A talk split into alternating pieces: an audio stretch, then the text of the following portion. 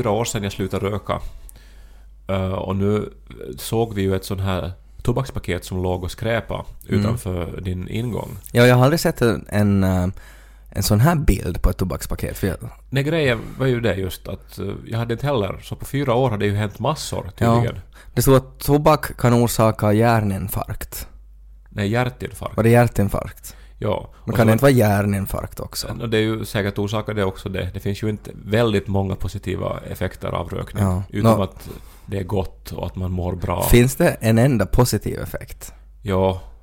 Man koncentrerar sig och får mening med livet och mår bra och, Mm, och, och är häftig. Och, Ja, här. men i alla fall så på bilden så var det en bild av en, en, en död ung man.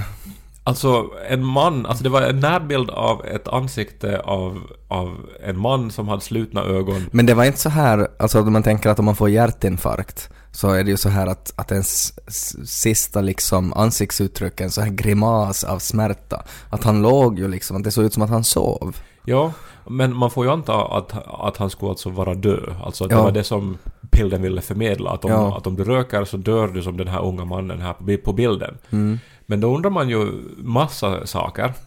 Eh, dels då att eh, är det faktiskt en död människa på, på, på bilden nu då? Mm. Eller, Ja. eller om det är en, en skådespelare som de har liksom bett att, att lägga sig ner och... Alltså tanken är nu att du har rökt så mycket att du har fått hjärtinfarkt. Och nu ska vi fota dig då. Och sen så förbereder han sig då eh, säkert en halvtimme måste han ju få. Mm. Prata med folk som har varit med om hjärtinfarkter och hur det känns och sådär. Och, Och, sen då så, så tar de pilden och så är de att det var nog jättebra. ja. Det var jättebra jobbat. Vi ringer dig på nytt om vi behöver ha någon infarktbild. Ja, men för att det går ju sen lite emot det här då med att det faktiskt är en, en riktig varning om en riktig fara om det inte är en riktigt död Mm. man. För att de har ju också, har jag sett uh, utomlands så finns det ofta bilder på så här skadade organ, alltså Mm. hjärtan Så här riktigt äckliga. och eh, lungor som är svarta och, Ja, och sånt. ja. Och, Och- så- och så här cancer i, i ten, tandköttet. Ja, och sådana här ögonsjukdomar och Mm. sånt. Och det är ju riktiga bilder på Men- riktiga... Med tanke på det så kan det ju då hända att han var på riktigt död, den här unga mannen. Men det skulle man ju aldrig tro på. Nej, och det är ju också ganska oetiskt väl nog att publicera då, alltså... För att, jag menar, det är ju inte enligt hans vilja då. Nej. Eh, eller så är det ju det här alternativet då också att de då har alltså såna här eh, reklambyråer då som, som har fått såna här uppdrag då så har liksom i sina register över folk som snart kommer att dö. Mm. Eh, Så att de då kan strax innan de dör då komma överens om att, att då så, så fort du dör, eh, Stefan, så tar vi då en bild av dig till de här Mm. cigarettpaketen. Ja, men det får bara användas om det är liksom för hjärtinfarkt. Ja. Inte något så här äckligt. Okej, men då tummar vi på det. Ja. Och sen den här tystnaden efteråt då när de ju väntar då, han står där med kameran redo Mm. då och, och väntar på att, på att Stefan ska dö. Ja. Så att han får ta den här bilden. Eller så är det så det här att man kan skriva sitt testamente. Jag menar, jag skulle kunna vara... Jag, jag skulle nog kunna vara sådär att ha i mitt testamente att sen när jag har dött så får de fota min kropp och använda det för avskräckande syfte. Jag tycker det är ett ganska ädelt budskap. Så här avskräckande för vad, tänker du då? Nej men vad som helst. Alltså det beror ju på vad, vad, vad min... Akta er barn. Nej men om jag dör i en lustig vinkel så kan det ju säkert användas till alla möjliga avskräckande exempel där man kan, där det kan vara farligt med vinklar och sånt. Du vet, alltså när man åker hiss så har du den här äh, klisterlappen för klämrisk. Där man ser den här streckgubben som håller på och flyttar någon byrå eller någonting. Mm. Och så tar det i hissdörren och så, så liksom så fa- far det mot hans mage och det ser Ja. ut att göra helt otroligt ont. Ja men det skulle säkert som, alltså halvera honom. Ja, men det är ju ett stort problem det där med hissar för att barn åker hissar, folk skriver osakligheter i hissar. Folk har ingen respekt för hissar. Så att om jag skulle då ha dött och ha en riktigt, liksom en vidrig kropp så skulle de kunna fota mig och sätta den bilden i en hiss. Och så skulle det stå klämrisk. Så Ted Forsström. man borde ha, precis som en del har då i sin plånbok, har man ett sånt här organdonatorkort och så skulle Mm. man kunna ha ett kort som gör att man får fota min död om det kan så att säga vara i pedagogiskt, eh, Avskräckande syfte. ja, för Ja. andra människor. Jag tycker det finns helt klart ett behov för det.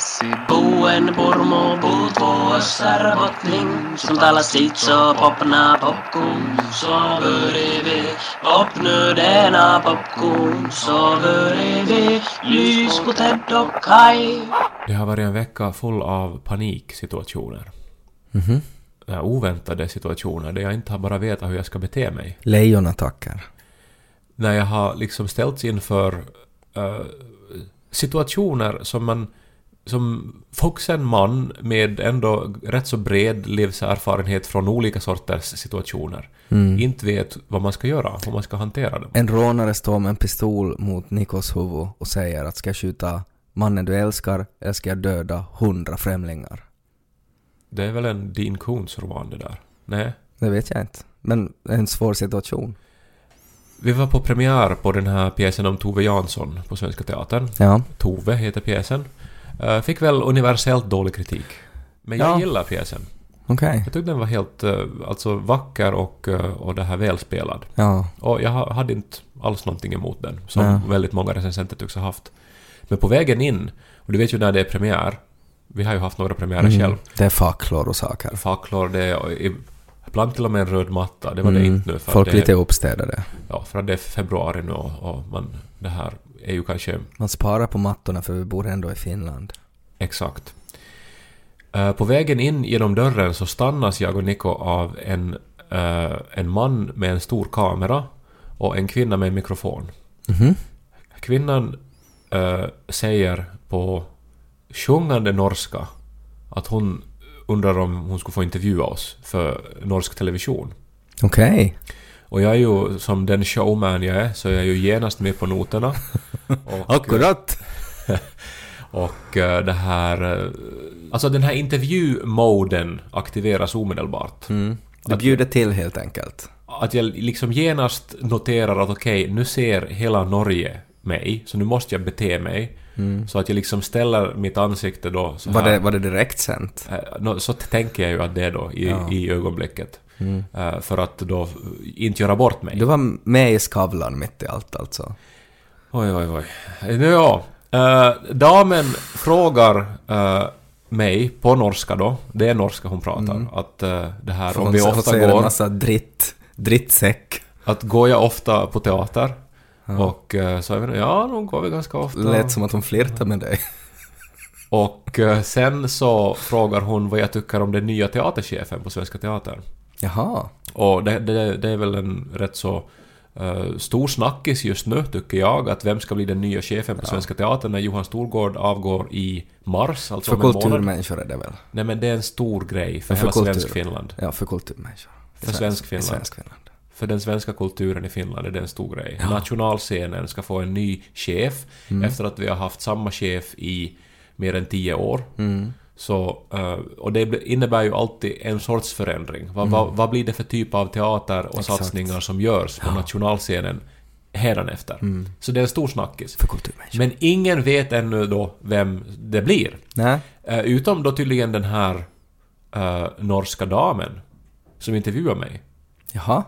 För hon frågar då vad jag anser om chefen och när jag säger att nej men det har ju inte utsetts någon så säger hon att jo jo, idag utsågs ju en, att det blev ju offentligt idag. Okej. Och så är det då en eh, tysk dramatiker som ska bli chef för Svenska Teatern, säger hon. Som har lett teaterträffen i Berlin som är en sån här teaterfestival.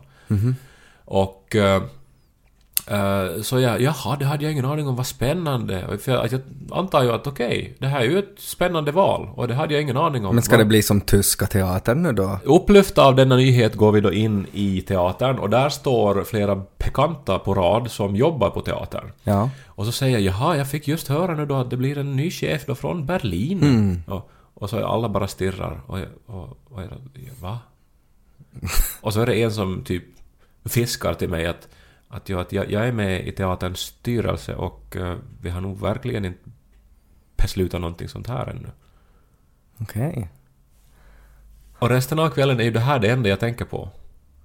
Men du, blev, du blev intervjuad av en norsk kvinna om någonting... Med en mikrofon som det står NRK på. Var det en äkta mikrofon då eller var det liksom en Jag vet inte, för jag var i min intervju-mode, att jag var liksom i direktsändning. Var du full när du... Hur mycket vin hade du druckit före då? Så Nico också, de här människorna? Nej men det märkliga är ju nu då att jag ju inte vet vad, vad det handlar om. Men det låter ju som att du har drömt det här. Nej, Niko var på plats också, det här hände. Och alltså, jag har ju sen nu då i efterhand och försökt förstå då att är jag med i någon sorts eh, i någon sorts norskt sketchprogram nu då? Är jag med i Ylvis nu eller någonting?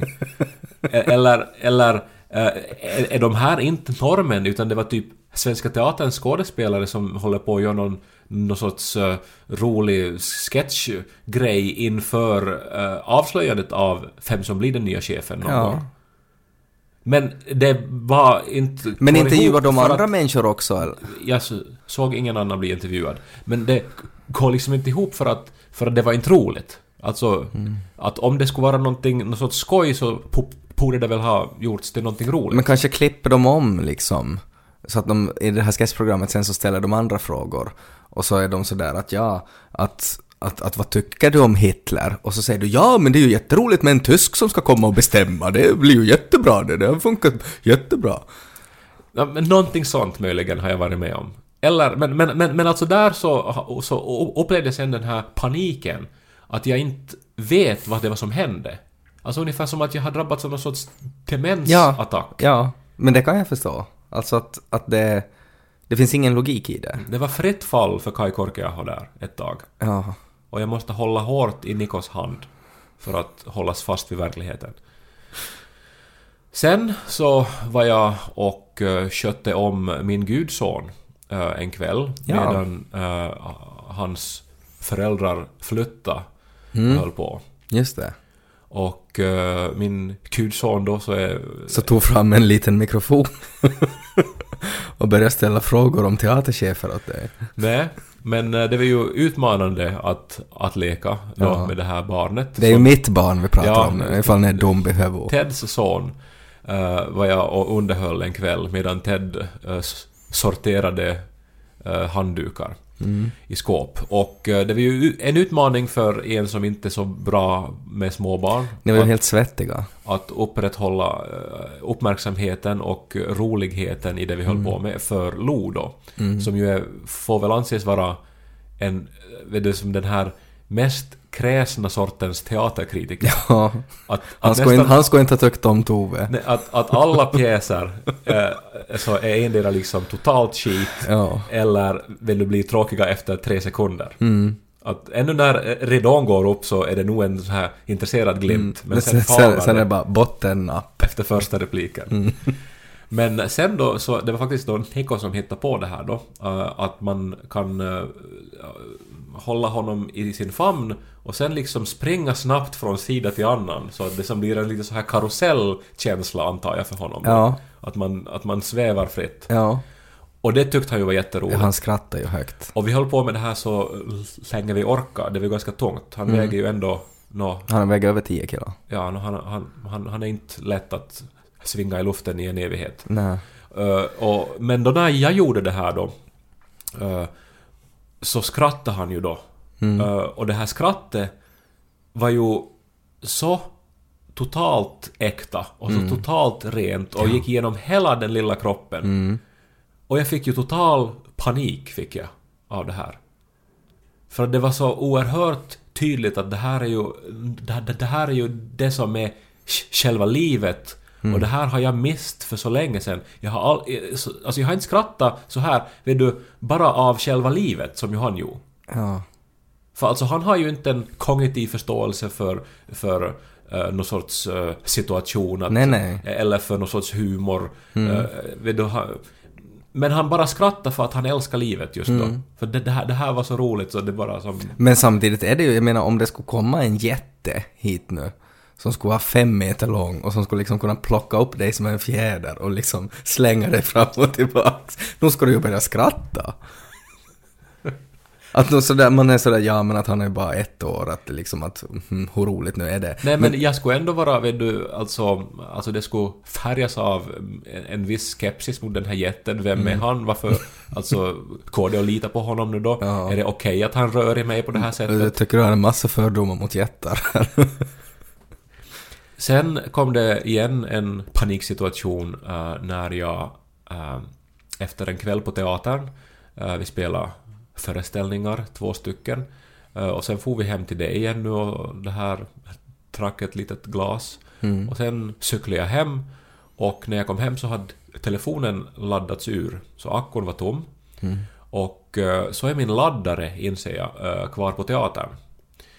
Så, och jag har inget internet i min teaterlägenhet, så att jag är som nu plötsligt då i total radioskugga då. Och det, det skulle förstås ha gått att jag skulle ha klätt på mig igen och cyklat genom den iskalla februarinatten till teatern för att hämta laddaren. Men klockan är halv två på natten, jag bara Ja. som att det kommer jag inte att göra.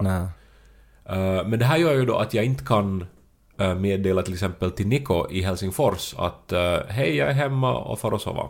Som vi ju har gjort varje kväll eh, så länge vi har känt varandra. För att han har vetat då att jag är... Men, men när ni är på olika ställen säkert. Ja, alltså när vi är på olika ställen förstås. Ja.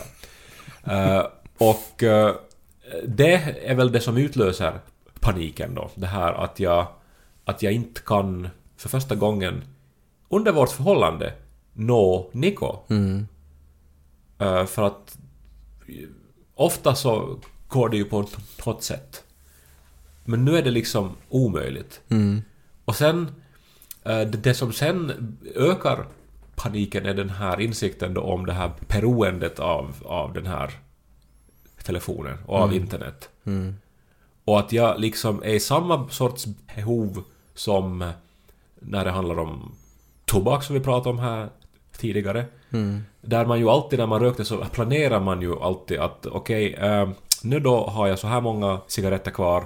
Så att räcker det här nu då så att jag kan vet du, röka ikväll och röka åtminstone en i morgon på morgon innan jag måste få köpa nytt. Eller Ja. ska jag fara nu mitt i natten och Men leta efter det är cigaretter? ju inte riktigt samma sak. Det är ju nog liksom ett steg längre än det där också, om man bortser från det här beroendet eh, av en telefon. Att det är ju nog också så här att, att jag, jag var till exempel eh, nästan samma situation, att jag var utan akku och utan ström en natt. Och det som jag inte kunde sluta tänka på var att vad om jag får en sjukdomsattack? Vad om jag måste ringa ambulansen? Och jag inte har en telefon? Ja, men då skulle det ändå gå att fara till grannen. Men vi bor i Finland. Och ska man göra det? Jag skulle nog hellre dö i sängen ja, än att få knacka på. Och sen skulle du hamna på ett på någon sorts eh, som någon farning då, där de tar f- foto av dig då att, att ladda telefonen barn. Nej, det skulle vara en, en stor plansch. Knacka inte på hos grannen. En död Ted som ser eh, blå ut. Ja, men eh, olika sorts paniker har jag drabbats av. En fjärde panik ännu. Vi var på tåget då jag. Och eh, så det här eh, var klockan åtta på morgonen. Och eh, så var det ett barn som, som skrek i vår vagn. Och eh, det, det, det höll på jättelänge och det var ett så här hårt skrik. Så här. Det var en, ett spädbarn riktigt, så Ja. det, det är så här. Ta sjukt i öronen. Så vi bestämde oss i något skede då för att fara till restaurangvagnen. Och eh, där så eh, ser vi på varandra lite så här försiktigt och, och till sist så vågar du uttala då det här som, som är i bådas våra ögon att, att du är nog hungrig. Och så jag att jag och, men klockan är ju halv nio på morgonen. Ja, jag skulle vilja ha köttbullar med, med potatismos. Och så nickar jag, för det är exakt det som jag vill ha. Ja. Det var Och så beställer vi uh, alltså lunchmat halv nio på morgonen. Och eh, det är jättegott. Ja. Men jag får också total panik av det. Varför det? För att det är så fel. Och det är någonting som jag aldrig har gjort förr i mitt liv. Ja. Och det är som en... eh, Alltså... Känslan är lite just det här vet du, att, att, att, att färden rubbas. Att vet du, parken är inte fast med. Nej, men så är det ju att jag bara... har gått över en gräns. Mm, Men så är det ju alltid när man är på tåget. Det är ju som tåget är ju som en, en, en, en annan dimension där klockan är bak fram, vad som helst kan hända. Man kan äta köttbullar och potatismos före klockan nio. Men världen är igångning. Jag vet som inte var det slutar det här. Sen när vi fick räkningen också så fick du panik. Vi har ätit mat på tåget. 87 euro! Ta Erik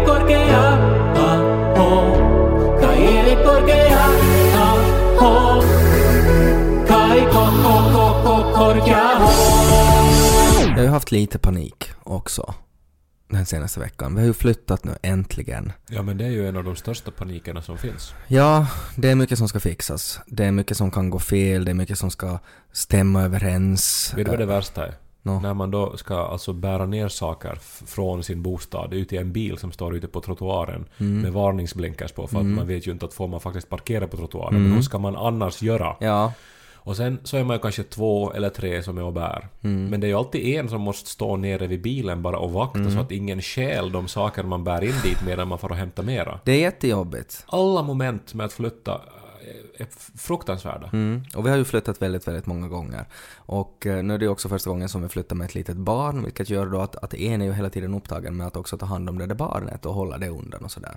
Så vi tog ju nu en flyttfirma att fixa våra grejer. Givetvis, Ja. ju tänka. Jag tänker att det är en sån här utgift som, som, som är så värt det här mentala och det här fysiska att slippa. Men ofta är det ju ganska snygga karlar så otroligt snygga karlar. som ju har flyttat mycket så deras armar är ju, är ju så att säga märkta av, av, av det jobbet. Det var som, alltså det var som, eh, jag vet inte hur jag ska beskriva dem, som australiensiska OS-simmare, skulle jag säga. Ja, Krulligt hår och bruna ögon och just det. tajta kläder. Ja. Så kommer de då i en sexig lastbil och, och så är det då att till och med jag som heterosexuell man reagerar på att chauffören att shit, att han är nog snygg. Så står det Dude Wagon på, Ja. på bilen. Så tar han av sig solglasögonen och jag säger ju att det här, ja, att, att jag skulle nog kunna smälta i de där ögonen ja. Och så slår han sådär sexigt på lastbilen. Så där signalerar att hej nu är vi framme. Och så kommer det ut liksom två tvillingar som är lika snygga som han. Slänger ner surfingbrädan och så kommer de då så ska de börja bära. Ja. Och så börjar de bära våra saker då och då. Allt går jättebra, det går snabbt och, och vi är sådär att orkar ni nog lyfta den här sängen? Och de är sådär, klart vi bara skruvar isär den och så tar vi upp den. Kom igen killar, nu kör vi! Och så gör de det och det går jättebra. Och eh, vi har inte så här jättemycket möbler. Eh, vi har inte så dyra möbler heller, utan att, att det är nog så här som man har köpt billigt från så här stora varuhus. eh, som kommer i byggsatser.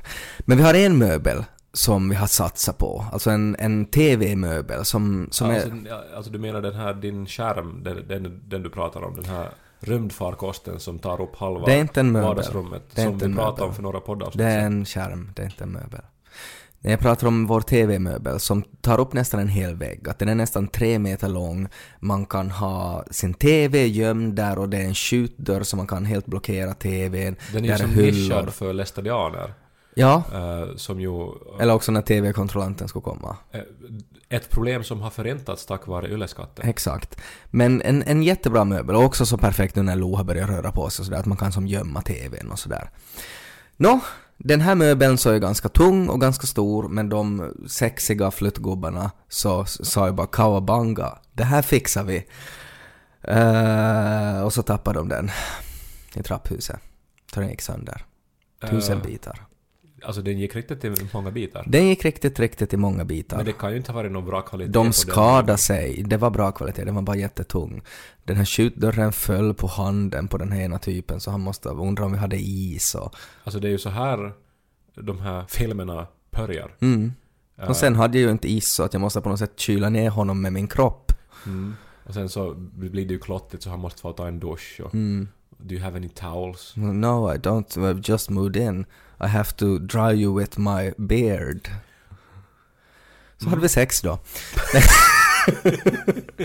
Nej, men eh, det var ju jätte, jättedumt det då. Eh, och eh, de är ju försäkrade och vi ska göra en reklamation och vi, vi hoppas ju, eller vi måste få pengarna tillbaks för den, för den var ganska dyr. Men den här möbeln tillverkas inte längre, så vi är nu utan TV-möbel. Och jag på något sätt reagerar, alltså det var så här min panik är ju att i den situationen så borde, jag vet inte om man får, när man får bli arg. Ja, För men att- nu är det väl ganska solklart att om det eh, handlar om, uh, vet du, en olycka, så då är det ju att man inte kanske får bli Ja, arg. men var det en olycka? För nu har jag ju ljugit åt dig. De var ju inte sexiga australiensiska tvillingar som jag hade sex med. Utan det var ju tre, eh, väldigt så här, inte så speciellt vackra, svettiga flyttgubbar, eh, otrevliga. Tvillingar heller. De var inte tvillingar. Eh, de blev surare och surare ju längre det gick. Eh, de pratade i telefon och tog tobakspauser, etc. Eh, och Eh, jag var och frågade av dem att, att borde vi liksom, den är ganska tung den här möbeln, att borde vi liksom skruva bort det här och nej, det här fixar vi nog, det här, det här går nog bra, det här gör vi nog. Men sen gick det ju inte bra, utan att sen så tappade de ju det.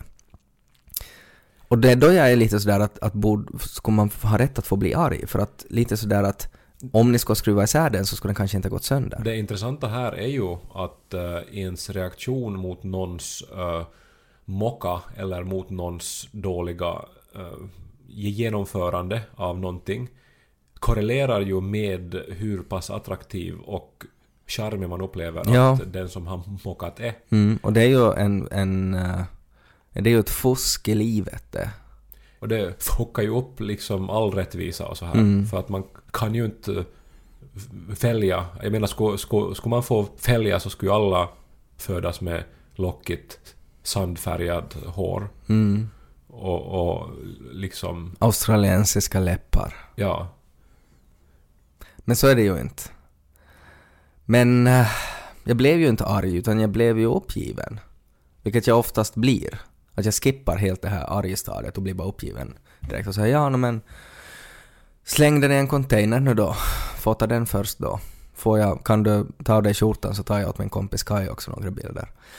Eh, så det är lite dumt. Ja, Men samtidigt så är det så jävla skönt att ha ett hem igen. Jag har ju inte pratat så mycket om det här i podden, men vi har ju alltså haft en, en rörrenovering på gång i vår lägenhet. Den skulle ta sex veckor. Vi var nu inne på sex månader och så gav vi upp. För att så här kan det ju inte vara. Så vi sa upp lägenheten och hyrde en annan. ja. Och det är jätte, jätteskönt att eh, ha en lägenhet, ha ett hem. Men samtidigt är det ju lite jobbigt när ens möbler blir förstörda. Så alla som nu tycker synd om Ted Forsström som har flyttat till en splitterny lyxlägenhet i södra Helsingfors kan mejla oss på stackars Ted Forsström at yle.fi. Forsström.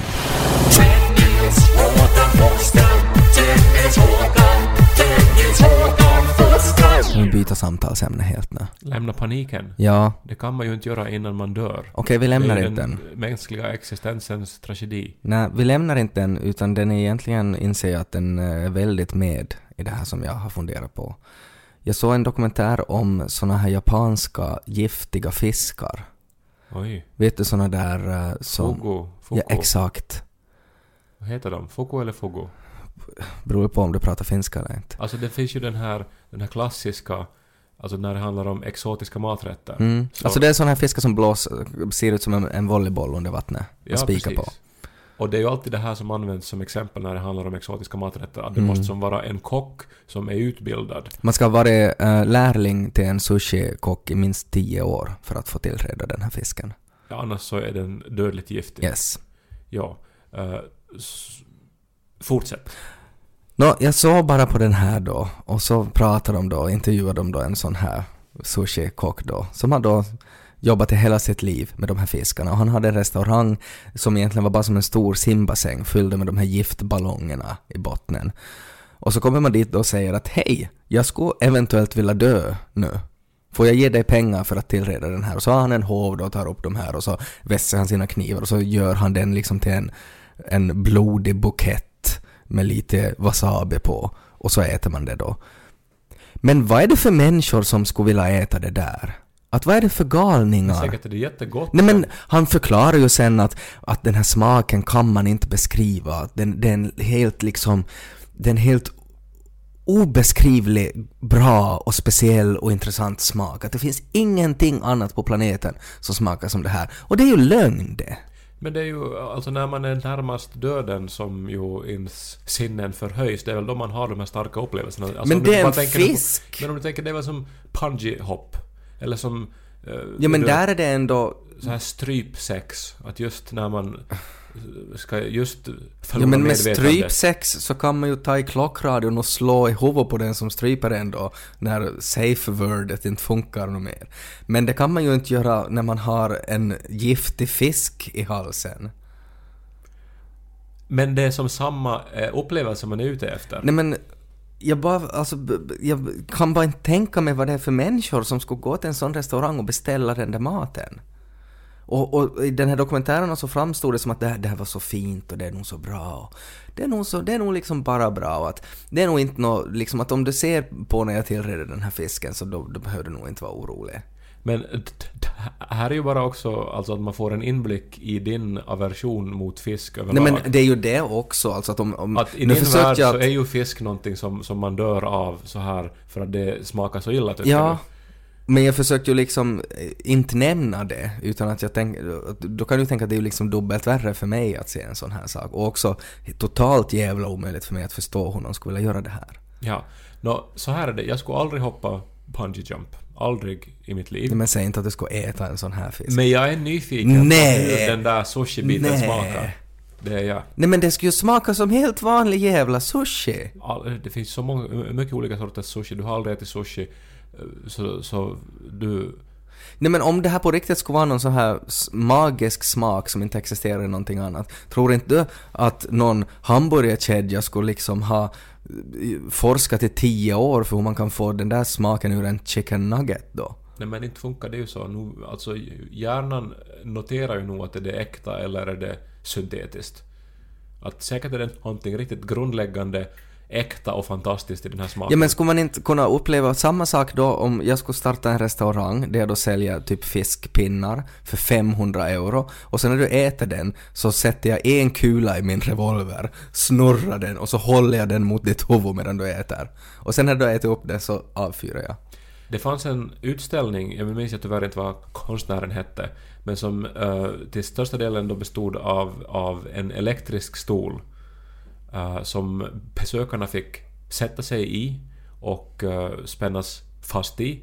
Och eh, så var det liksom utskrivet att när vi drar i spaken då, som, det, som de gör för alla som sätter sig, så är det en chans på miljonen att det alltså blir riktig ström Men, som ge, leds genom nej, ditt, jag fattar inte där ja. din kropp.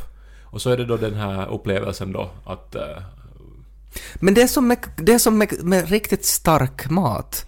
Vi började ju gräla i butiken när jag skulle köpa godis för att jag sa att de här tycker du säkert är goda, för de är jättesura. Och så sa du att inte de sura, de smakar säkert socker.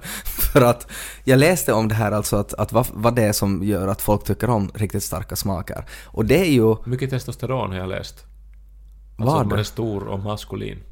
Nej. Och välhängd. Så då, då, uppska, och då, då uppskattar man Du starka lurar, du lurar din hjärna, för att när du äter någonting som är riktigt, riktigt starkt så reagerar ju kroppen som att det här är ett gift, det här gör ont, det här är någonting liksom hemskt. Nej, Och- kroppen säger oj vad gott, Nej! mera. Det, nej, det säger inte kroppen, utan kroppen säger att det här är ett gift, vad håller du på med? Inte har du väl satt en sån här giftfisk i munnen, ditt pucko? Och så börjar kroppen släppa ut en massa endorfiner, för de är sådär att om en minut så kommer en fotograf och fota dig till ett tobakspaket. Så nu ska du må bra före du dör. Och det är ju det du går igång på, det är den här kicken av att, att din kropp tror att du ska dö. Det är det som är liksom grejen med stark mat. Ja, men kanske, alltså det var ju ungefär det som jag sa också, att det, det hör ju ihop den här pungyhops-känslan, strypsex-känslan, fuku eller fugu-fisk-känslan. Men kan man också dra ihop det med så här att ha panik, att det liksom, för jag menar det är också någonting negativt. Men att det är det som kryddar upp vardagen. Att man vet att man lever. Ja. Att hellre har man ju panik än känner ingenting Men alls. hellre vet man att man lever genom att ha liksom fantastiskt sex då, än att man mår dåligt. Då vet man ju också att man lever. Det här har varit Ted och Kai-podden som vanligt kanske inte Avsnitt kom, nummer 69. som kanske inte kom fram till någon djup sanning den här gången heller. Men om du som lyssnar har sett mig i norsk TV prata om Hör av er! om svensk, eh, Svenska Teaterns chefsbyte så hör av er på teddokaj.yle.fi. Och Tills nästa vecka så ät något, något Men, surt. ja, ja, inte en fisk. Teddokaj, teddokaj, Te dokai.